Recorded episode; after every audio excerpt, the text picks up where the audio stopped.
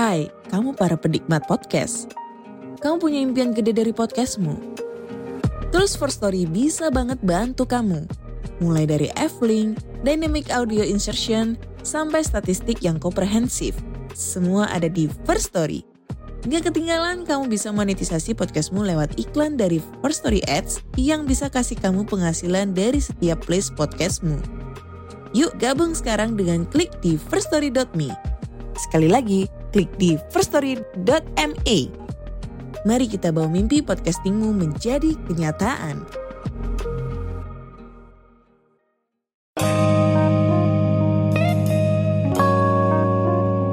Yo guys, baik lagi bersama gua Randy Dan gua Vincent di Konspirasi Ngopi. Seruput lo kopinya Wah, Asik guys gila abis featuring ya. Habis featuring sama Oza Oza Rangkuti, podcast kesel aja. Playnya paling banyak tuh Iya. Eh, Dalam satu hari playnya paling banyak Wah, berarti mecahin rekor ya. Mecahin rekor coy Berarti sukses nih kita Apa? untuk Misinya. numpang. Oh iya dong, Iya. numpang pansos kan Bener. Pansos tuh kepanjangannya apa sih? Eh panjat sosial Panjat ya? sosial. Sebenarnya mah ya Oza ya gak ngerti-ngerti banget konspirasi. Iya, Ya, kita memang. pansos doang aja. lah kan memang Iya Kayaknya semua orang pendengar kita juga tahu kok Tahu ya. Tahu Iya, Bang Oza. Jadi sebenarnya nggak spesial-spesial amat Bang Oza. Iya, Cuma kita memang. pengen pansos aja ini. Iya, lu tuh konspirasinya juga masih mediocre bang sebenarnya bang. Gila, gak tau terima kasih Bang konspirasi Eh, ngopi. emang, ya. emang. Nggak, tapi emang. eh, dalam in everything ya kita respect sama Bang Oza. Oh ya Jong, jelas dong. Meskipun dia sudah besar gitu kan, Hmm. tetap dia memanfaatkan podcast kecil untuk promosi. Iya. Jadi di semua lini ya, Semua nggak nggak mandang mau gede mau kecil, pokoknya gue promo aja. Promo. Iya. Ya nggak apa-apa juga, Nggak bagus. apa-apa, nggak apa-apa lah. Dan kita harus admire itu gitu. Yes. Kita harus seperti dia. Yes. Artinya- Shout out to Bang Oza lah ya. Yoi. Huh. Nah, ini untuk podcaster-podcaster gede lain lah. Featuring lah sama konspirasi ngopi. Masa kalah Oza usah, Rangkuti? nggak usah jauh-jauh sama ini dulu aja. Siapa? Sastra S dulu aja. Sastra siapa tuh? Anjing. Bangsat, temennya Oza anjing. Oh, I see. Sastra Silalahi. Iya, iya, iya. Bang Sastra, tolong meskipun lu nggak terlalu terkenal nggak apa-apa kita mau featuring ya. Tar, tar, tar kita kontak. Kita minta nomornya sama Bang Oza aja. Kita minta Bang Oza ya. Kayaknya kayaknya kita udah di blok deh sama Bang Usa. anjing, anjing. Oke, tapi kemarin seru banget ya. Yo, Mungkin buat orang-orang yang belum dengar bisa langsung check out lah. Ya, ya. Bisa langsung cekidot di Noise, Spotify. Yes. Itu ada rekaman kita sama Bang Oza. Yo, Meskipun ada beberapa orang yang komplain kok konspirasi ngopi suaranya kecil, Oza rada gede. Oh enggak, itu karena kita lagi ngeteknya tuh di bulan, Bre, pakai Apollo. Pakai Apollo Oh, ya. oh. Ya memang jarak jauh. Pakai roket gitu. Ah. Jadi ya suaranya kayak mantul-mantul gitu.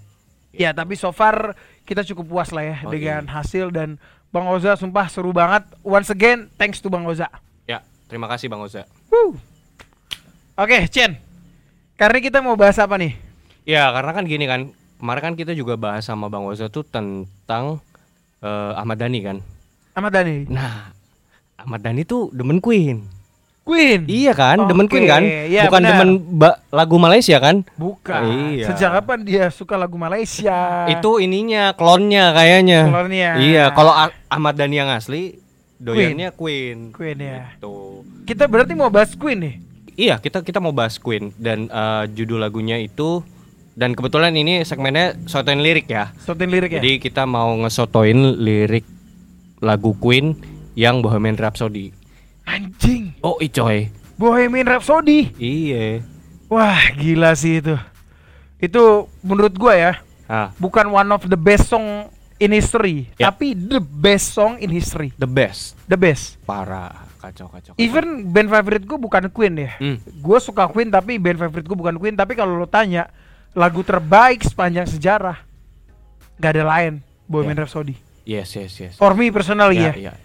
Oke, nah makanya kan ini seru banget kan pembahasannya gitu. Coba kita kulik dan kita bahas di sini bareng-bareng di Oke. dari sudut pandang konspirasi ngopi. Sudut pandang anak nongkrong. Anak nongkrong, anak, nongkrong. Di anak saat nongkrong. di mana-mana anak nongkrong itu tidak mengetahui kedalaman lirik Bohemian Rhapsody, di sini kita bahas. Kita kita kuliti lah. Kita kuliti ya. Iya. Oke. buat kalian teman ngopi yang penasaran ya isi dari Bohemian Rhapsody kan kalian kalau terjemahin liriknya nggak mungkin paham. Kalian bahasa Indonesia aja nggak bagus, gimana bahasa Anjing, Inggris? anjing. Enggak, karena karena gini mungkin interpretasi eh, interpretasi orang kan beda-beda. Interpretasi. Apa? I, apa apa? Interpretasi. Iya. ya gitu dah. Interpretasi orang kan beda-beda. Beda. Iya kan. Jadi ya ya udah ini kan dari sudut pandang yang lebih apa ya namanya? Lebih expert gitu. Lebih pinter lah. Iya lebih Iya. anjing, anjing sombong banget sombong. Bangsat pen Tapi kita tidak menggunakan astral projection manggil Freddie Oh Mercury. enggak ya? usah, enggak Enggak ya? usah, enggak enggak perlu. Iya.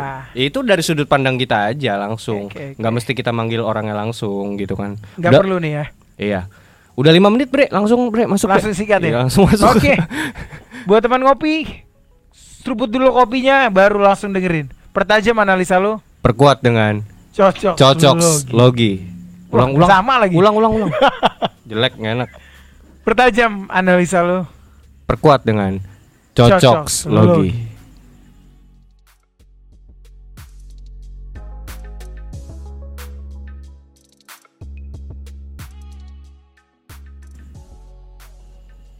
Bohemian Rhapsody, lagu yang dirilis tahun 1975 oleh Freddie Mercury, Brian May, John Deacon, and Roger alias Queen yang akhirnya mampu menggemparkan dunia, bre. Karena waktu itu belum ada musik dan lagu yang sebagus ini. Even Bukan- Expert Today belum ada. Bukan bagus ya. Maksudnya kalau bagus itu kan eh, Relatif. relatif gitu kan. Eh, sesuai perse- perspektif masing-masing gitu. Cuman kalau untuk tingkat kerumitan ini lagu rumit anjir. Iya kan? Ini bener-bener seniman. seniman coy, dari segi vokal, dari segi musik. Maksud gue chord yang misalnya nih di keyboard chordnya apa, gitarnya apa gitu. Yes. Iya kan? Kayak Yes. gitu loh, kayak kompleks banget, kompleksitasnya tinggi gitu loh. Aransemennya gila. Iya. Dan eh, mungkin kalau gue bisa bilang ini adalah eksperimen dan formula dari Freddie Mercury yang paling berhasil sih menurut gue. Yang Karena, paling berhasil ya. karena kan sebenarnya kalau lu mau dengerin musik-musik mereka emang rata-rata gitu kan, mainnya eksperimental semua gitu kan. Cuman yang paling works dan bisa Ya bisa diterima lah. bisa diterima gitu sama masyarakat ya ini gitu. Bohemian Rhapsody ya. Itu aja setengah mampus lu nerimanya. Bener gak? Awal-awal nggak mungkin lu pasti bisa nerima gitu aja kan? Ya, lagunya berat, men. Berat kan? Lagunya berat. Iya, tapi ketika lu udah anjing gini lagi maksudnya, wah anjir langsung seneng lu sama lagunya langsung lu kulik banget gitu Iya, kan. Gila sih. Kacau, kacau, kacau. Jadi sebelum kita masuk ke pembahasan ya, Hmm. gua sempet nonton film ya. Hmm. Judulnya Bohemian Rhapsody. Ya. Itu film tentang perjalanan hidup Freddie Mercury bersama Queen. Oke, oke. Dari awal dia meniti karir bukan sebagai personil band, Mhm. hanya sebagai penonton, Oke. sampai akhirnya dia dipilih untuk menjadi vokalis Queen. I see. Gua gua juga sempat nonton lagu eh, lagunya lagi. Apa filmnya? Gue sempat nonton filmnya juga dan gue sangat mengadmire yang jadi Freddie Mercury-nya tuh. Uh. Yang memerankan anjir total, Pak. Gila gila. Dan Mirip itu- banget. mirip banget kan dan lu lihat pas dia udah jadi anjing itu latihannya kayak apa anjir? Hah? Eh satu ya nih da- kalau dari segi fisik ya dia harus nyamain fi- fisik dong otomatis. Ya, berat badan dan berat sebagainya. badan dan eh, wajah segala macam. Oke lah itu masih bisa di CGI gitu ya. Cuman maksud gua mimik dan apa namanya ekspresi tubuh itu kan susah men. Yes. dan lu, lu bisa bayangin ya dia ngulang-ngulangi eh, video klip atau video live performnya si Queen itu gila satu hari tuh bisa berulang-ulang ya kan Yeah. dalam satu hari itu lu tontonin lu perhatiin anjing gua harus begini gua harus begini gua harus begini Pasti more than a hundred times gak sih? anjir iyalah dan itu yang gue sangat gue respect sama aktor-aktor seperti ini yang maksudnya totalitasnya gokil gitu loh. Gokil. Shout out tuh Rami Malik ya. Rami Malik Rami Malik. namanya gokil gokil Oke, kita lanjut. Hmm. Ya, jadi Freddie Mercury ketika dia diterima oleh band Queen, Hmm. Ternyata Freddie berhasil mereformasi band itu sendiri. Yang tadinya band itu hanya laku di kampus, Iya. di gigs-gigs kecil, oh sampai akhirnya bisa terkenal, bro. iya iya iya Itu berkat Freddie. Karena Freddie. melalui lagu-lagu yang ditulis oleh Freddie. Iya berarti seinget gua si Freddy ini belum masuk dan emang udah ada Queen-nya dulu kan? Udah ada, Vokalisnya bukan dia? bukan dia. Oke. Sampai akhirnya Cuman band gigs biasa Iya, di bar-bar gitu kan? di bar-bar gitu. Ya terkenal di event-event kampus lah, Ya, di ya, bar ya, ya. segala macem. Sampai akhirnya si Freddy join, he wrote a song, dan lagunya banyak yang meledak. Oke. Gokil gokil gokil. Sampai akhirnya dia mereformasi lagi industri musik dengan Hmm. ngebuat lagu Bohemian Rhapsody. Jadi ketika dia buat Bohemian Rhapsody, di situ ya mungkin sebagai personil Queen yang lain kayak Brian May, Roger, John itu seperti kayak ya udah gue nurut karena apa yang dilakukan Freddie it works berhasil. Iya iya. Tapi setelah mereka merecord, wah recordingnya tuh gila men. Even ketika mereka ngambil vokal nada nada tinggi, di situ gue inget drummernya Queen tuh si Roger disuruh ngambil tuh, Ngambil. yang Galileo, Iya iya. eh, suara tinggi tuh. Iya. Si Roger disuruh ngambil, udah ngambil tinggi, kata si Freddy, higher, Anjir. tinggi lagi, higher, Iya iya iya. tinggi lagi, higher. Perfeksionis ya Uh. si Freddy ini Freddy ya. perfeksionis. Sampai si Roger ngomong, anjing lo mau setinggi apa? Sampai sampai kesel ya. Oh, sampai kesel si dari Roger. dari yang dari yang maksud ini kan lagi ngetek gitu kan maksudnya anjing sampai kesel ya kesel kesel. bre digituin bre karena gini ya eh, buat perspektif teman-teman di luar sana eh, jadi recording itu nggak semudah yang kalian bayangkan recording musik ya eh, maksudnya kalau kita sebagai band gitu kita udah ngebayangin nih kita udah ngekonsep apa yang nanti kita mau record gitu tapi nyatanya ketika implementasi nggak semudah itu Yes. yang satu eh yang paling utama tuh ya nomor satu itu pressure. Yang entah entah dari mana tiba-tiba muncul aja tuh pressure gitu. Padahal sebenarnya lu kayaknya waktu latihan nggak nggak nggak ada pressure Iya, gitu. bisa keluar gitu ya. Iya.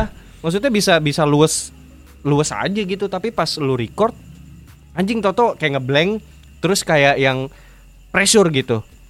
Dan lu bayangin kalau misalnya lu ngeteknya tuh bisa kayak dalam satu hari itu cuman ngetek satu vokal doang anjing. Uh, Iya kan? Si Yes. katakanlah si drummer itu diulang-ulang itu dari pagi sampai malam ketemu malam bre itu. Iya, itu udah pasti diulang-ulang, Bro. Ih, apalagi kan si Freddy ini kan juga orangnya gitu kan. Mau Perfeksionis. Nggak mau gue kalau kalau belum sesuai sama yang gue mau nih, nggak mau ulang loh, nggak mau Yes. tahu gue. Agree. Kayak berantem deh bre. Iya nggak sih? Eh pastilah, pastilah. Cuman, cuman si drummer itu nggak karena kan dia nggak punya gambaran itu di dalam pikirannya kan. Pikirannya. Dia hanya dia hanya anjing lu ngapain sih? Oh, udah ini gua kan udah ngetek berapa kali. Bener. Masa lu nyuruh gua berulang-ulang kayak gini? Karena dia nggak ngerti maksudnya. Tapi ketika pas udah jadi, pas didengar, oh ini maksudnya gitu kali ya. Iya, iya, pasti begitu. Cuma somehow memang deep down in their heart ya di masing-masing personil Queen they, trust Freddy Ah, bener. gitu. Bareng lagi, they trust ya. Iya iya iya. Karena sama ya, Bre. Eh emang dia sosok seniman. Seniman itu kan out of the box, Bre. Artinya eh melakukan segala sesuatu tapi dengan point of view lain gitu loh, dari perspektif sisi lain gitu loh. Jadi eh apa namanya? Emang seorang artis, seorang seniman gitu, nggak sembarangan gitu. Uh, Jadi misalnya nih yang lumrahnya orang tuh eh, nyanyi tuh dengan metode A gitu. Dia pakai metode Z. yes. Dan fun Gokil. fact-nya lagi Freddie Mercury penyanyi yang nggak pernah fals, Bro. Oh ya? Nggak pernah. Seriously? Yes. Sama sekali. Itu ada datanya atau gimana maksudnya? Ya, itu di filmnya pun disebutin. Oh, Di filmnya disebutin dan Freddy ngomong, "Gue memang nggak bisa nyanyi fals." anjing. Cuma Freddy ngomong kenapa Sombong dia banget. bisa nyanyi fals karena bentuk mulutnya kalau dia ngomong. Oh. Ada hubungannya ya? Ya gua nggak ngerti ya, Ya, ya, apakah oke, itu oke, ada oke. hubungannya atau memang iya. Kalau lu lanjutin ini body shaming ntar. Lanjut, Body lanjut, shaming. lanjut. lanjut, lanjut. Oke, setelah selesai proses take ya, Ya. selesai proses take, all of the personil itu mereka bangga dan puas Sama Bohemian Rhapsody ini. dengan Bohemian Rhapsody. Oke, ini konteksnya berarti kita udah ngomong di lagu Bohemian Rhapsody ini ya. Bohemian Rhapsody. Tapi sampai setelah diajukan ke label, labelnya Hmm. ngomong ngapain anjing? Benar, benar, benar. Jangan ini jadi single gua nggak mau. Iya, iya, iya. Mendingan lagunya si Roger tuh. Gue lupa lagunya Roger yang Ya, apa ya. ya. Dia bilang udah lagunya Roger aja tuh yang dijadiin single. Tapi Queen kompak gak gue mau ini. Oke. I want this Si Freddy ya yang yang gontok banget ya. all All ya. satu kata jadi. Jadi Oke, all oke. personil Queen meskipun si bagian label yang ngomong lagu Roger aja yang jadi single nggak mau All Queen nggak mau dia mau nggak Bohemian Rhapsody karena mungkin mereka ngerasa effort yang udah dikeluarin tuh udah gila bre dan kayaknya gue udah total banget anjing bahasanya nih ya yang biasanya gue tuh kayak ngeluarin effort tuh 80% di sini gue 1000% anjing kalau sampai nggak kepilih anjing nih label bener gak yes Iya kan? Yes. Anjing lu. Mas, gue tuh udah ngeluarin effort ini terlepas dari kualitas ya. Karena kan kalau mau ngomong kualitas kan berarti akan diukur ke pendengar. benar Artinya pendengar suka atau enggak gitu. Mereka udah nggak mikirin itu anjing. ya Mereka cuma mikirin anjing lah effort gue udah gila di sini dan gue yakin ini pasti meledak Ya. gitu. Jadi based on faith. Ya gak sih? benar Gitu. Somehow kan pasti mereka juga ngerasa anjing ini pasti pecah sih gitu loh. benar benar Ben. benar benar Iya iya iya. dan realnya wow Iya iya. Bohemian Rhapsody menjadi lagu paling Epic epic sepanjang Kita- sejarah Ya, dan dan di sekitar akhir tahun 60-an itu emang udah epic banget sampai hari ini bahkan gitu. 70-an Hah? 70-an 75 dia rilisnya Oke, oke, oke. Tapi terciptanya sekitar 60-an. Iya. Jadi diciptainnya sebenarnya jauh sebelum Iya, mereka iya, iya. ngetek. Itu kata kompas.com. Itu kata kemas.com. Oke, sebelum kita mau ke ri- liriknya, lo mau Ah. menyampaikan fakta-fakta terkait Bohemian Rhapsody ya? Oke, bentar, gue cari dulu. Cari deh. Kompas.com. Kompas.com. Kompas.com. Nah, ini bre, eh, beberapa fakta menarik tentang Bohemian Rhapsody ini. Nah, dikatakan dilansir dari kompas.com, Bohemian Rhapsody penuh dengan bahasa imajinatif dan merupakan bukti bakat Freddie sebagai penulis lagu. Freddie adalah orang yang sangat kompleks, sembrono, dan lucu di permukaan, tetapi dia menyembunyikan rasa tidak aman dan masalah dalam menyesuaikan hidupnya dengan masa kecilnya. Ini katanya si May nih, Brian May. Brian May. Mm-mm. Dia tidak pernah menjelaskan liriknya, tapi saya pikir dia memasukkan banyak dirinya ke dalam lagu itu. Gitu tambahnya. Oke. Nah, terus eh, ini juga dilansir juga nih dari kompas.com nih. Dikatakan bahwa Freddy tampil dengan semangat yang nyata overdubbing suaranya sampai terdengar seperti paduan suara. Jadi dengan kata-kata Mamma Mia misalnya di dalam lagu itu Galileo dan Figaro memantul naik turun oktav. Jadi dia ngambil banyak sampel nada gitu loh buat disatuin di dalam Wow. di dalam rekaman itu gitu Rekaman loh. itu ya. Dan dulu kan rekamannya bukan rekaman digital anjir. Iya. Ngabisin berapa reels itu dia? Bener gak? Pa- banyak banget pasti. Iya kan? Bener. Belum salahnya. Yes. Belum salah-salahnya. Anjir ini orang perfeksionis banget coy. Gitu. Silakan ada nggak lo tambahan? Iya, jadi fun fact lagi terkait lagu Bohemian Rhapsody. Bohemian Rhapsody ini di tag menggunakan piano yang sama dengan lagu Hey Jude. Iya. Ya. Jadi ketika Paul McCartney record Hey Jude, Freddie gunain piano yang sama. Mereka satu label apa gimana sih? Gua nggak paham satu label Oke, atau enggak. oke, oke. Tapi intinya Freddie gunain pianonya yang dipakai Paul. Kebetulan aja sebenarnya ya. Nggak kebetulan, emang sengaja. Oh si Freddy yang admire Beatles. Freddie. Iyalah, Beatles itu kan tetap Blueprint. lah, Bro. Blueprintnya. Ah. Oke oke oke oke. Bisa itu lo mau band apa pun ya Pasti. Arahnya Iya, Beatles. iya. Kiblatnya lah udah. lah. Kiblatnya Beatles. Oh, emang sengaja nih sama Freddy nih. Emang sengaja Oke, gitu. oke, oke, oke. Nah, gue sepakat dengan yang tadi lo omongin, Mhm. yang Brian May bilang bahwa Freddy itu orangnya kompleks. Ya. Gitu loh. Jadi dia memang terlihat ceria, terlihat fun di luar. Ya, ya. Tapi dalamnya wah gila, men. Asli coy. Gila. Eh, menurut gua semua seniman gitu sih. Semua seniman ya? Jadi katakanlah misalnya kita kita ngomongnya konteksnya stand up comedian gitu. Lu lihat dia lucu, dalamnya hancur anjir. Dan eh apa namanya? Yang dibangun di dalam komedinya itu kan tragedi dia. It's tragedy ya. Tragedi, Bre. Tragedi yang jadi komedi. Ya menurut gue semua seniman seperti itu, Bre. Mereka mengangkat eh, hal-hal yang udah jadi nih, yang udah mateng materinya gitu. Tapi emang aslinya di dalam pikiran mereka, di dalam hatinya mereka juga emang pahit hidupnya, Bre. Oke. Gitu. I see, I see. Dan Ya. dan bisa dibilang eh, konstruksi imajinasinya mereka tuh sangat sangat detail dan apa ya out of the box gitu bre Yes. jadi hal-hal yang nggak kepikiran sama orang gitu loh kayak gitu dan itu dituangin berhasil dituangkan sama dia di dalam Bohemian Rhapsody ini yang gue bisa bilang ini kan sebenarnya kayak abstrak banget ya eh, dari segi arti lagunya sendiri gitu loh. Ya Menurut gue dari arti lagu, Hmm. aransemen, Ya. vokal dan sebagainya, anjing ini bener-bener ekspresi terliar yang bisa diutarakan Anjing. seorang manusia. Kayak Rocky Gerung loh. Rocky Gerung, kayaknya Rocky Gerung abis dengerin Bohemian Rhapsody, anjing gue pertama kali nih ngerasain irgasm. Even bahkan si Rocky Gerung kan mengomentari Dewa. Dewa, Dewa admire Queen. Win. Ya udah, jelas kan? Patternnya kan? Oke, Gitu. daripada lama-lama kita langsung masuk ke lirik ya brother. Siap, siap. Langsung Chen. Langsung ya. Eh, nggak perlu gua nadain lah ya. Perlu lah, perlu aja, nggak apa-apa dikit-dikit. Nggak copyright. Oh copyright ya? Nggak tahu gue juga. Makanya biar aman nggak usah lah. Iya, udah, nggak usah. Eh, intronya is this the real life? Is this just a fantasy? Caught in a landslide, no escape from reality. Open your eyes, look up the skies and see. I'm just a poor boy.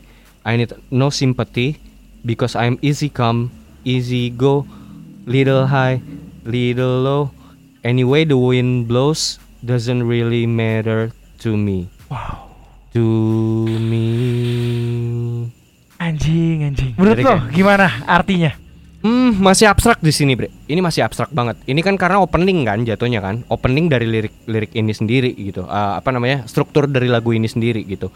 Lebih kepada ini dia mau ngebawa si pendengar itu ke dalam eh, dimensi pikirannya si Freddy.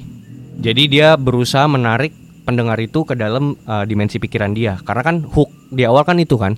Se- orang tuh mau dengerin lagu itu ini hooknya gitu loh di awal kayak gitu. Dan kalau gue bilang eh very dark man. Dari segi lirik ini dark banget anjing. Dan dan ini tuh kayak yang gloomy banget coy. Nih lu tadi kita denger ya dia bilang is this the real life? Is this just a fantasy? Tanda tanya loh. Dia menanyakan anjir nih gue di dalam gue di dunia nyata atau fantasy sih sebenarnya yang gue alami nih gitu. Hmm. dan gue ngerti maksudnya itu konteksnya hidup bre. As a whole hidup gitu ya. Dia dia bicara tentang hidupnya gitu. Caught in a landslide kayak eh, apa sih kayak mungkin interpretasinya tuh kayak perosotan yang nggak ada habisnya gitu. Ya kan? Terus no escape from reality. Dia nggak punya pelarian dari kehidupan nyata dia yang pahit menurut gua kayak gitu. Open your eyes look up the skies and see. Lihat ke langit-langit dan lihatlah bahwa anjing gue cuman bocah miskin gitu loh. Eh, I need no sympathy gitu. Karena menurut gue ya bre eh, ini kalau kita ngomong di masyarakat ya society ya sebenarnya bre orang-orang yang berada di eh, bahasanya tuh kalangan menengah ke bawah mereka nggak butuh simpati anjir. Ngerti gak lo? Iya, iya. kayak kayak kayak beberapa nih misalnya kayak di Twitter Twitter gitu orang-orang SJW SJW itu kan muncul untuk membela orang-orang ini secara hak mereka gitu. Artinya eh lu jangan kayak gitu lu. Dia kan juga biar gimana pun dia manusia. Lah orang miskin kagak butuh itu anjing. Butuhnya apa?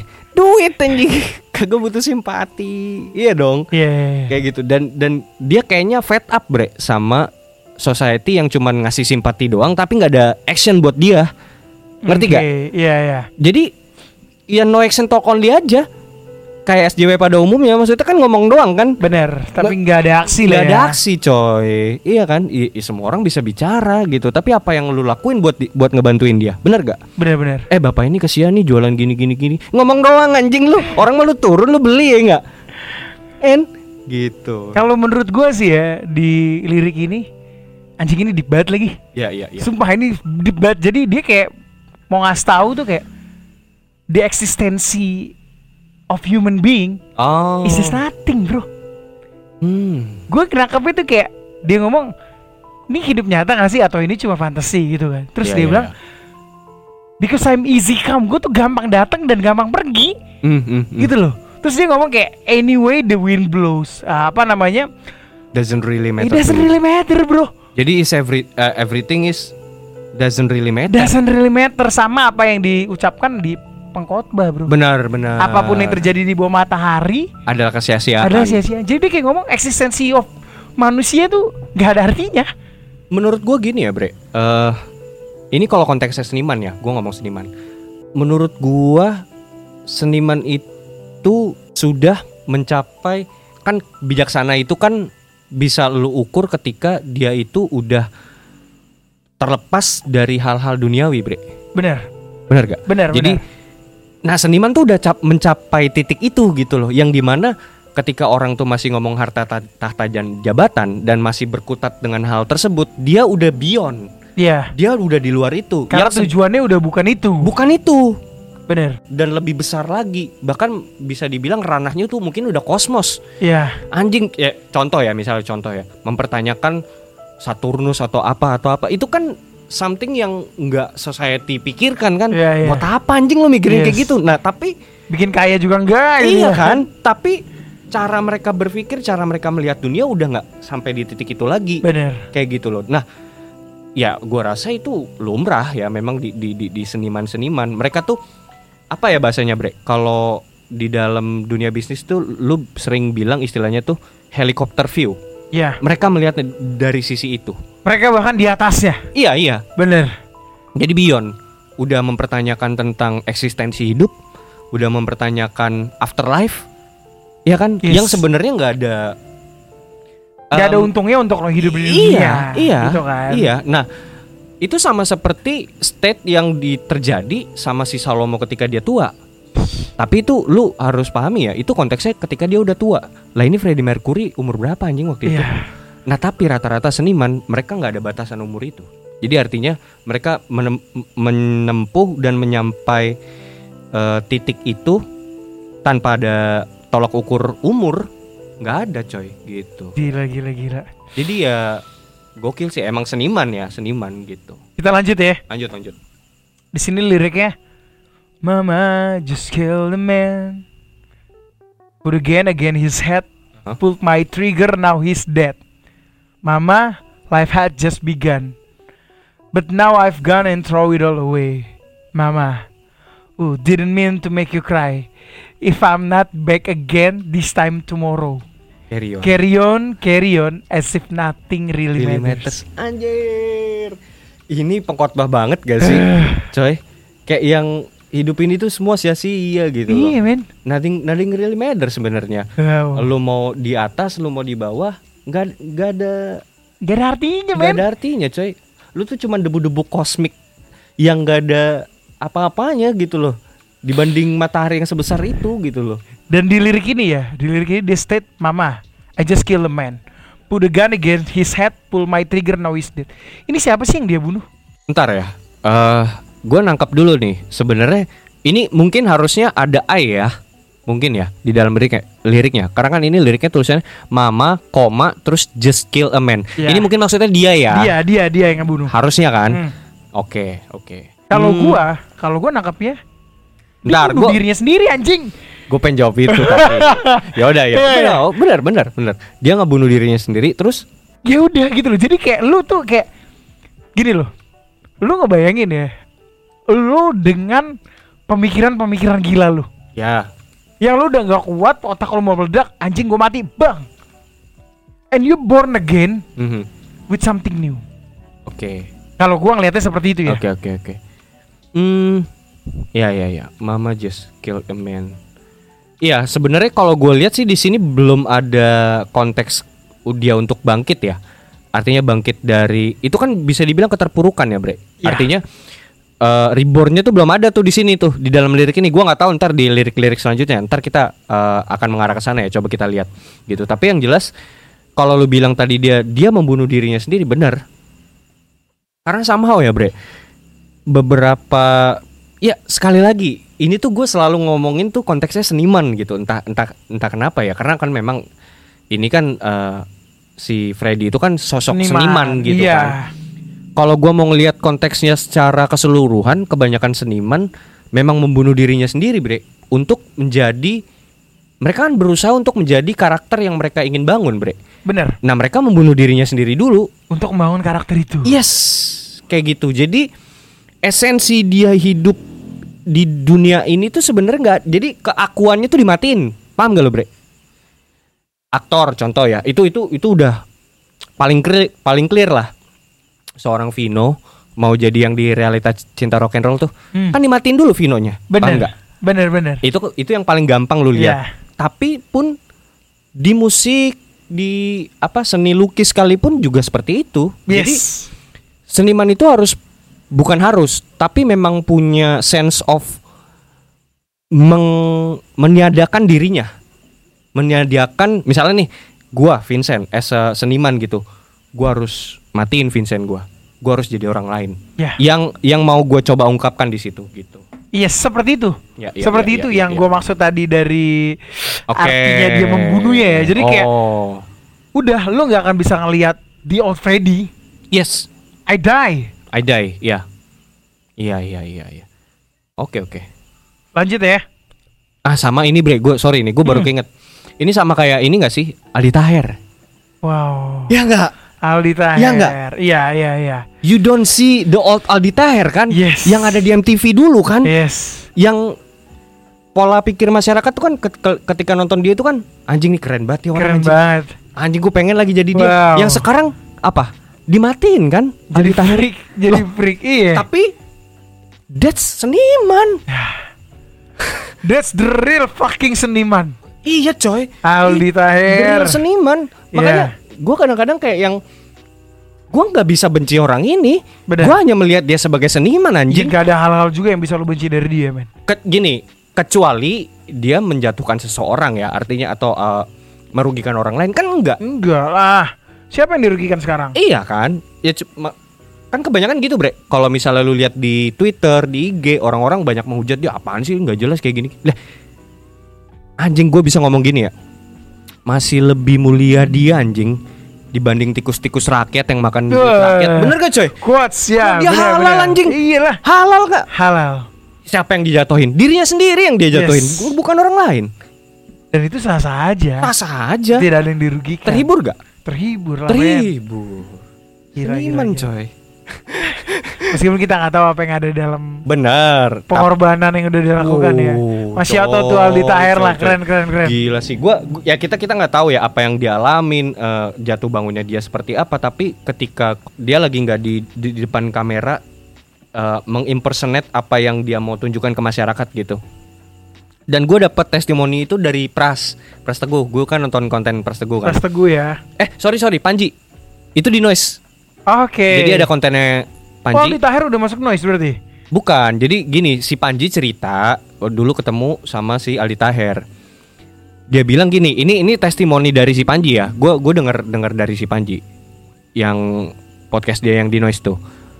Dia bilang gini, jadi pas nggak ada kamera, nggak ada kamera di dalam suatu ruangan, ruang tunggu artis gitu loh. Jadi orang biasa aja, bre. Ngobrol sama Panji kayak ya ya kayak orang biasa Normal ya. orang normal.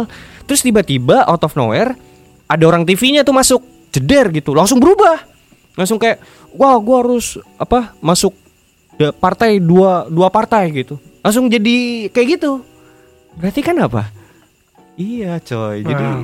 iya gokil sih. Pengorbanan seorang bapak untuk popok anak. Yo coy, bener lagi gitu. Anjir, gua gua respect sih sama doi gitu. Terlepas apa pun itu lalu mau bilang dia bego atau apa ya, tapi that's seniman. Ya. Itu yang dilakukan seniman gitu loh. Yes. Lanjut, Bre. Lanjut bre.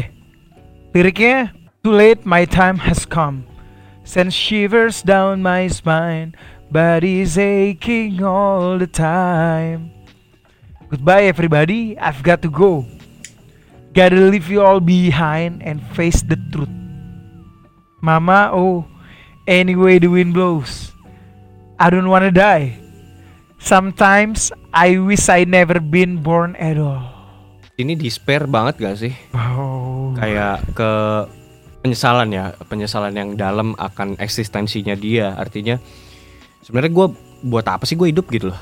Hmm. Ya nggak sih? Kayak yang gue ngapain sih sampai dilahirin ke dunia ini gini sampai sampai di situ bre yang sebenarnya kita juga nggak tahu apa yang dialamin gitu bre Mungkin gak sih karena dia memilih untuk menjadi bisex. Oh At the end. Karena gini loh. Ketika orang ngomong Freddy adalah gay, gua akan ngedeklar sorry bukan ngedeklar itu, gua akan nolak itu. oke Karena Freddy bukan gay. kenapa Dia suka sama cewek, Bro.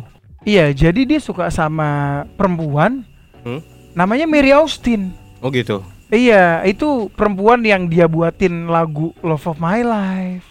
Oh, Love of My Life. Love of My Life. Anjing keren banget ya. Love of My Life. Nah, itu di Freddy buat untuk si Mary Austin, men.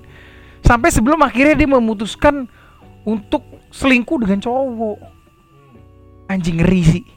Gua nggak tahu ya apakah sebenarnya jauh sebelum dia terkenal dia memang sudah ada perasaan suka sama cowok atau memang dia baru tertarik setelah dia berkecimpung dalam dunia industri. Tapi iya, intinya itu menghancurkan dia lah, Bro. Maksudnya apa yang menghancurkan dia? Ya ketika dia suka sama laki, men. Oh. Ya itu yang ngancurin hidupnya dia. Dia Iya. sampai kena AIDS, bre. Ya ya ya, oke oke. Ya walaupun kita nggak nggak nggak apa ya nggak mendukung hal itu, cuman Iya. maksudnya kita coba mengerti ya. Kita Coba mengerti. kita coba mengerti dari sudut pandang dia seperti sebenarnya apa sih yang terjadi gitu loh, ya kan? Menurut lu gimana deh? Maksudnya kenapa dia bisa jadi seperti itu? Apakah dari sisi eh, naluri dia sebagai manusia memang seperti itu atau memang sebenarnya ada pilihan, Bre? Ada pilihan. That's why tadi ketika kita bahas di lirik sih ya, coba tadi kita lihat liriknya. Mhm. Kita bahas tadi di lirik dia bilang too late my time has come. Shen shivers down my spine. Body's aching all the time. Goodbye everybody, I've got to go. Gotta leave you all behind and face the truth. Mungkin gue bisa ngartiin dari gotta leave you all behind and face the truth. Dia tuh kayak ngerasa sebenarnya dia punya pilihan. Either dia mau stick untuk menjadi normal Ya ya ya. atau dia ya udah ngikutin hasrat seksualnya gitu loh dan dia kalah di situ karena dia bilang gue harus ninggalin lo semua dan menghadapi kenyataan dan kenyataan gue adalah gue gay Hmm. di situ dia kalah sebenarnya ketika dia saat itu ditempatkan di surrounding surrounding yang baik ya Oh. lingkungan yang baik lo ngobrol sama orang yang memang bisa ngasih lo masukan Art, gini deh, eh, dia nggak ngumpul sama LGBT, udah gitu Ya, aja lah. itu Ya, bisa bener bro bisa bener. Karena kan sebenarnya eh, environment shape you, bener gak? yes ya Iya makanya kan? di situ dia nge-state lagi bahwa gue nggak mau mati I don't wanna die sometimes wish I never been born at all jadi kayak ngerasa anjing gue hidup kayak gini banget ya Ya, ya, ya, ya. gue hidup semenyakitkan ini Yang padahal sebenarnya ini konteksnya LGBT itu ya. ya Enggak, maksudnya dia punya opsi sebenarnya. Tapi dia udah nyemplung di situ. yes Udah terlalu jauh, Bre. udah terlalu jauh Udah terlalu jauh. Kalau Dan- kalaupun dia mau balik lagi, katakanlah dia udah terlalu jauh, dia mau balik lagi.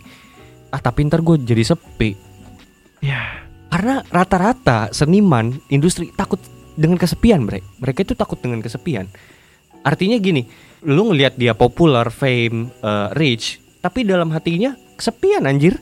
ya enggak? ya dan gini Dan ya, ditambah maksudnya- parahnya itu dengan ceweknya itu kan, maksudnya Kenapa sih ceweknya? Maksudnya kenapa dia nggak diterima atau gimana sih? oh enggak dong Kenapa justru ceweknya sayang sama dia bro Lah terus Mary Austin itu seseorang yang sangat sayang dengan Freddy harusnya harusnya mereka merit kan? Harusnya kan? udah tunangan udah mau merit Oke. dan Freddy selingkuh sama cowok di situ yang ngancurin hati Mary Oh. dan setelahnya setelahnya bahkan Mary itu masih support Freddy Mary masih nonton Freddy ketika manggung Tapi eh stop sampai di sini. Artinya kita hanya as a ya udah friend friend aja udah. Iya. Anjir. dan Mary Austin di situ akhirnya udah nemuin pasangan hidup dan menikah Oh. tapi Freddy pun state sampai di akhir love of my life. you are the love of my life karena dia satu-satunya orang yang support Freddy dan Freddy cinta banget sebenarnya sama dia jadi intinya ketika dia bilang sometimes we say never born idol man it's not Freddy man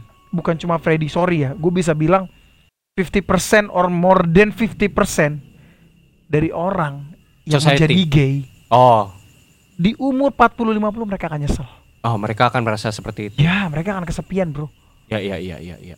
hancur Ya, iya sih. setuju Jadi, gua. buat teman-teman ya yang ada kecenderungan sosial ke arah sana, wake up, wake up anjing. sebelum terlalu jauh. sebelum terlalu jauh. Sorry ya, ini dari segi ini kita ngomongnya dampak di masa depan. Dampak di masa depan. Eh, hubungan lu dengan masyarakat itu kalau di zaman sekarang ya itu aja pasti bakal rusak. Ya enggak? Satu. Belum lagi fisik loh. ya, Sorry, sorry ya. HIV, wow. bla bla bla ya kan penyakit Ngeri, ini, penyakit itu. Maksud gua yang cewek sama cowok aja bisa kena. Gimana yang emang bukan colokannya. Iya. Ngerti gak lu? Anjing. Colokannya bukan maksud gue gini, Type C sama USB USB biasa kan beda, coy. Hmm. Jangan dipaksa, hancur lah. Listrik aja konslet anjing, gimana badan, iya kan? Ya udah, Gitu. udah gitu gini bre. Gue tuh pernah nonton kesaksian-kesaksian lah dari Hmm, orang-orang hmm, yang mereka at the end of the day mereka tobat di usia 50-an mereka kembali ke jalur yang benar gitu ya. Untung nggak mati. Ya. Dan lo tahu kenapa mereka tobat gitu ya? Salah satunya hancur men. Mereka entah di secara fisik, secara mental. Lu pikir mereka bahagia? Enggak, anjing. ya. Oh. They don't happy at all. Iya sih. Mereka nggak bahagia, mereka ya, hancur. ya terus ya terus aneh ya. Eh itu kan paradoks namanya, Bre. Artinya ya lu nggak bagian ngapain lu jalanin kan gitu, coy. Iya, Sebenarnya kan lu cuma ingin cuma ngejar kesenangan sesaat. yang atau mungkin bisa jadi dia mau ngebangun image di di masyarakat. Oh mungkin dengan gue seperti ini gue bisa diterima di masyarakat. Mereka berpikir seperti itu nggak sih? Atau gimana? I don't know sih, gua Gue bener-bener nggak ngerti deh jalan pikirannya gitu loh maksudnya. Bre. Mungkin Jadi gini makanya ya. gue mencoba mengerti gitu. Iya, iya. Gitu Mungkin ada yang membuat image seperti itu dan ada juga memang yang terlahir dan dia sulit untuk menyukai lawan jenis tuh ada sih memang. Oke. Tapi balik lagi ya itu itu adalah cobaan lu. Hmm. That's your trial. Iya iya iya. Bisa nggak sih lu pilih untuk lu tetap on the right path? Bisa. Dan dan gini, ini ini malah jadi panjang nih ngomongin masalah ini. Tapi maksudnya ini relate sama si keadaannya Freddy gitu loh. Makanya ini mumpung ada kesempatan kita bahas gitu kan. Maksudnya sebenarnya kan eh mereka kan satu mereka punya pilihan gitu kan. Eh kalau kebanyakan yang terjadi itu ketika mereka terjadi seperti itu gitu katakanlah mereka jadi LGBT bla bla bla. Mereka biasanya menyalahkan keadaan. Keadaan tuh dalam artian gini. Trauma. Trauma masa lalu. Sorry ya maksudnya mereka mengalami pelecehan seksual misalnya gitu. Entah dari misalnya cowok sama cowok gitu. Misal di masa lalu eh, ada orang ada orang tua laki-laki yang seperti itu kepada dia. Terus hanya dengan sebatas itu mereka menjustifikasi hal yang mereka lakukan di masa depan. Makanya gue bisa begini gitu. Bahasanya gini bre kasarnya. Gue kenapa sih bisa jadi gay gitu? Ya karena gue dulu kena pelecehan seksual gitu aja sebatas itu dan yang gu- gua nggak ngertinya apakah mereka nggak punya opsi gitu loh bre Iya. iya nggak sih Iya. Itu sama seperti orang miskin ketika mereka meninggal dalam keadaan miskin dan mereka bilang ya gue terakhir dari keluarga miskin. hmm. It's the same menurut gue. ya oh Jadi at the end of the day you have option dan satu hal ketika orang ngomong hidup nggak adil, ya memang nggak adil bangsat. Hidup itu tidak adil. kalau adil mah lu bakal ngelihat Messi sama Messi di satu lapangan yang sama Ya, nggak seru coy nggak seru. lu bakal ngelihat nonton bola nih Cristiano Ronaldo lawan Cristiano Ronaldo apa serunya Skillnya sama-sama gitu ya. iya sama Ya, Hidup itu nggak adil. Sekarang balik lagi buat teman-teman ngopi ya. Kita mau ngasih insight lah. Hidup itu memang gak adil. Gue sepakat. Iya. Gue sepakat. Menurut gue hidup itu tidak adil. Dan apakah yang harus lo lakukan? Apakah lo harus menangis dan menangisi ketidakadilan itu? Enggak men. Wake up. Fight for your life. ya ya ya Lu punya Tuhan, lo percaya Tuhan, pray to your God. abis itu usaha Usaha. Yo, gitu. Iya, sebenarnya kan pilihannya cuma dua. Rebahan. Iya enggak? Bangun, Ya. kerja. Kerja. Eh, gitulah, gitu kan. Kerja, sebenarnya. kerja, kerja kalau kata Pak Jokowi. Iya gitu. Lanjut kali ya, Bre. Lanjut. Lanjut di masuk ke verse 3. I see a little silhouette of a man. Scaramouche, Scaramouche, will you do the fandango? Thunderbolt and lightning, very very frightening me. Galileo. Galileo, Galileo. Figaro Magnifico. But I'm just a poor boy, nobody loves me. Oke, Lanjut lagi deh. Lanjut. He's just a poor boy from poor family. Spare him his life from this monstrosity. Easy come, easy go. Will you let me go? Bismillah, no. We will not let you go. Oke. Wow. Sampai Uh, di sampai di lagi. Mamma mia, mamma mia, mamma mia, let me go. Beelzebub has a devil put aside for me, for me, for me. Oke. Oke. Bahas, Bre. Oke, kalau yang gua tangkep di sini ya, Sorry, ini tuh part paling legend dari lagu ini nggak sih? iya, Iya kan? iya. Iya, iya, Karena iya, di sini dimasukin perpaduan suara yang dari do ke mana ke mana Iya, ke mana lah. Iya. Yang cuma Freddy yang bisa ngelakuin ini. Iya, iya, iya. Dan ya maksudnya kan yang lain juga ngisi kan suaranya Ngisi, di sini kan. ngisi, ngisi. Uh-uh. Dengan directionnya si Freddie, Freddy. Mercury. Iya. Gokil sih. Gue kalau yang gue lihat di sini ya kayak I see a little silhouette of man. Scaramouche, Scaramouche, will you do the fun dan gue ini banyak banyak arti yang gue nggak tahu. Tapi Eh. kalau yang gue tangkap adalah di sini bener-bener perdebatan di kepala Freddy bro. Even mungkin mungkin ya mungkin dia kayak Berkecamuk gitu di dalam dirinya gitu. Iya dia kayak ngelihat dan ngedenger Thunderbolt and Lightning yang ngenakutin dia very very frightening me dan di situ muncul Galileo. Oke. Wow, itu gila Iya, men Dia kayak iya, lu iya, udah iya, iya. anjing apa nih gitu loh. Mungkin iya. itu efek obat atau Ya, apa ya. Oh. Oh ya waktu itu kan 70s nggak sih? Ya, 70s. 70s kan? Ya LSD kan di mana-mana, Bre. Masih lagi tinggi ya. Iya LSD dan yang kayak ya much ecstasy, ya gitu-gitulah. Iya, iya, iya. Gitu. Jadi jadi sebenarnya ini tuh kompleks, Bre. Masalahnya tuh kompleks. Kompleks. Jadi udah mental juga. Eh karena dia ngerasa kayaknya mental gue bisa diobatin dengan hal-hal inilah, LSD lah, bla bla bla kayak gitu-gitu. Yang sebenarnya memperkeruh suasana aja sebenarnya. Bukan itu sesaat sembuh. Tapi bahasa mungkin bahasa pemakai tuh ketika basian, ketika lu basian, lu bakal balik di state yang lebih parah Yes. gitu loh. Jadi udah nyampur, Bre, udah udah udah di luar nalar, di luar nurul gitu, Wow. Bre. Wow, Gitu. Dan Itu- dan ya ini halusinasi itu terjadi di dalam pikirannya gitu. Bahkan emang dia berkecamuk gitu. Jadi bukannya memperbaiki eh, kondisi mental health-nya dia, tapi malah kayak dirinya sendiri bahkan menghakimi dirinya sendiri, Bre. Hmm. Gitu loh. Yang kayak Gila ya. wah makin parah, makin hancur gitu loh. Gitu sih. Dan di situ lanjutannya ini menurut gue yang lebih gila lagi sih karena di Hmm. sini dia ngomong spare him his life from this monstrosity. Monstrosity. monstrosity ya. Ya. Terus easy come easy go. Will you let me go? Disaut. Hmm. Bismillah. No, we will not let you go. Oke. Ada yang ngomong let him go. Lanjut Hmm. lagi. Bismillah. We will not let you go. Let him go. We will not let you go. Let him go gitu ya. We will not let you go. Ngerti gak? Jadi kayak Paham paham paham. paham. di saat ada pikiran yang bilang udah biarin dia pergi, jangan biarin dia pergi, biarin dia pergi, jangan biarin dia pergi. Gini gini sih. eh, kita coba masuk ke dalam dimensi pikirannya si Freddy, Freddy. ya. Kalau yang gue lihat di sini gue membayangkan sebagai dia itu adalah terdakwa yang mau dihukum mati.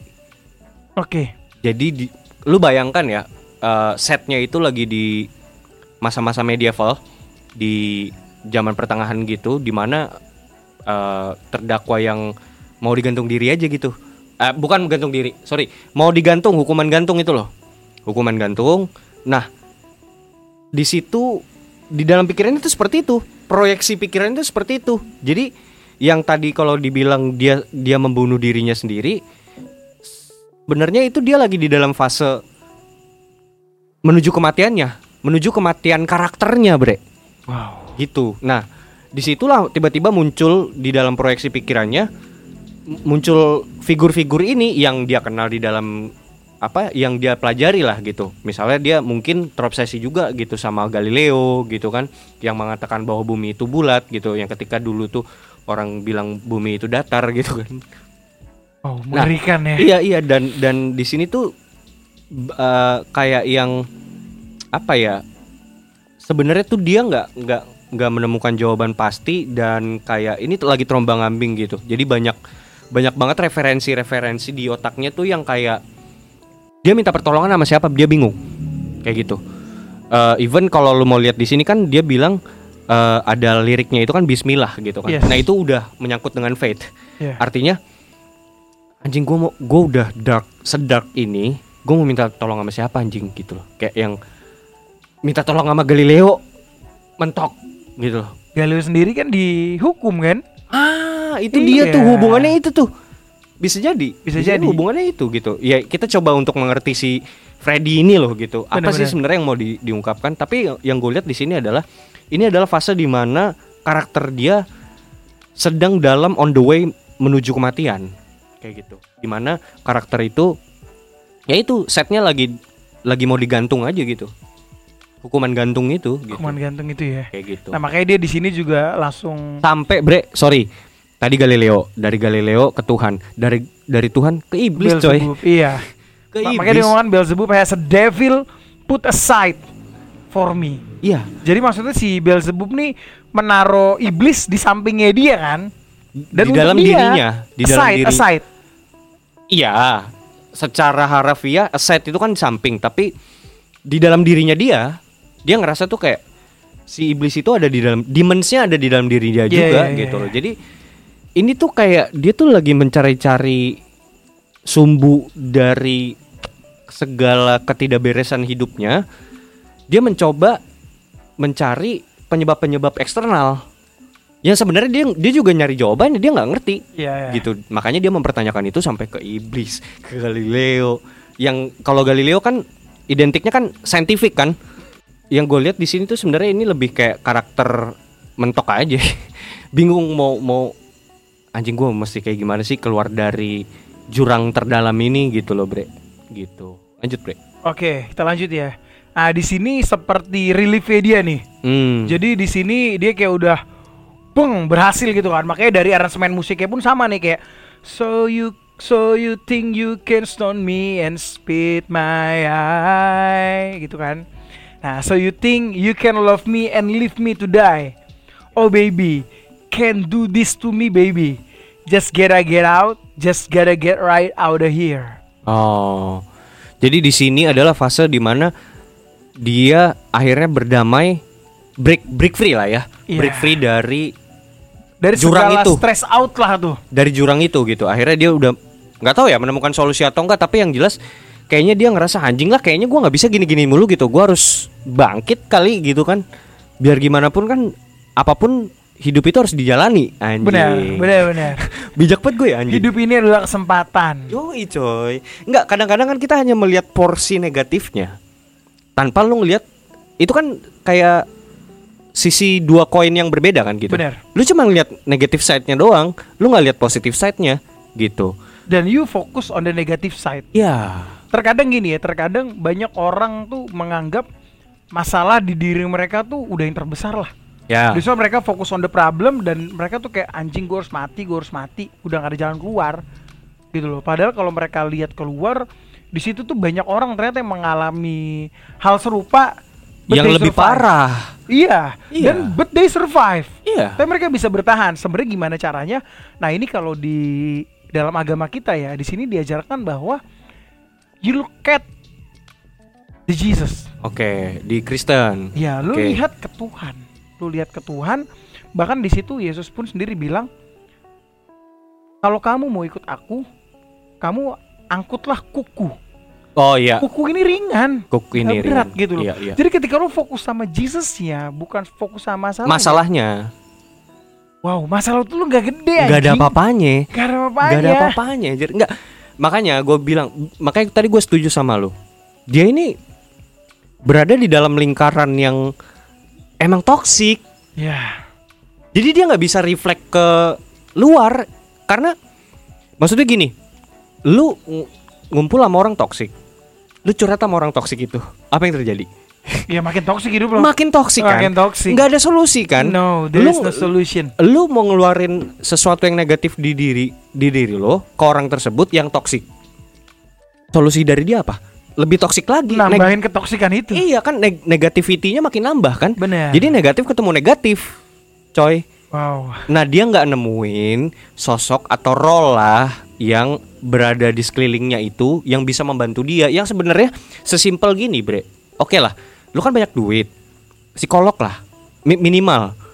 Tapi kan itu psikolog adalah pihak pihak kesekian yang nggak bisa lu trust, nggak bisa lu percaya gitu. Tapi harusnya memang ya itu, ini jauh dari Tuhan. Iya, benar. At the end of the day sebenarnya kita adalah manusia, kita adalah makhluk yang diciptakan.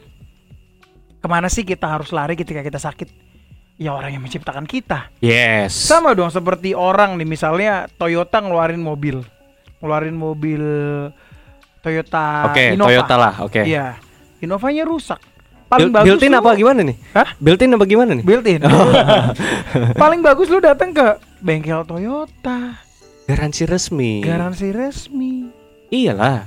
Handphone Xiaomi gitu kan rusak nih misalnya baterainya gelembung nih kan ya jangan datang ke counter-counter biasa itu hancur Wah, makin hancur coy lagi lo. iya langsung ke garansi resminya Garansi aja resmi. iyalah Nah, itu lu ketika lu rusak, rusak tuh bukan ber- bukan berarti lu sakit fisik atau apa ya, tapi kayak mentally.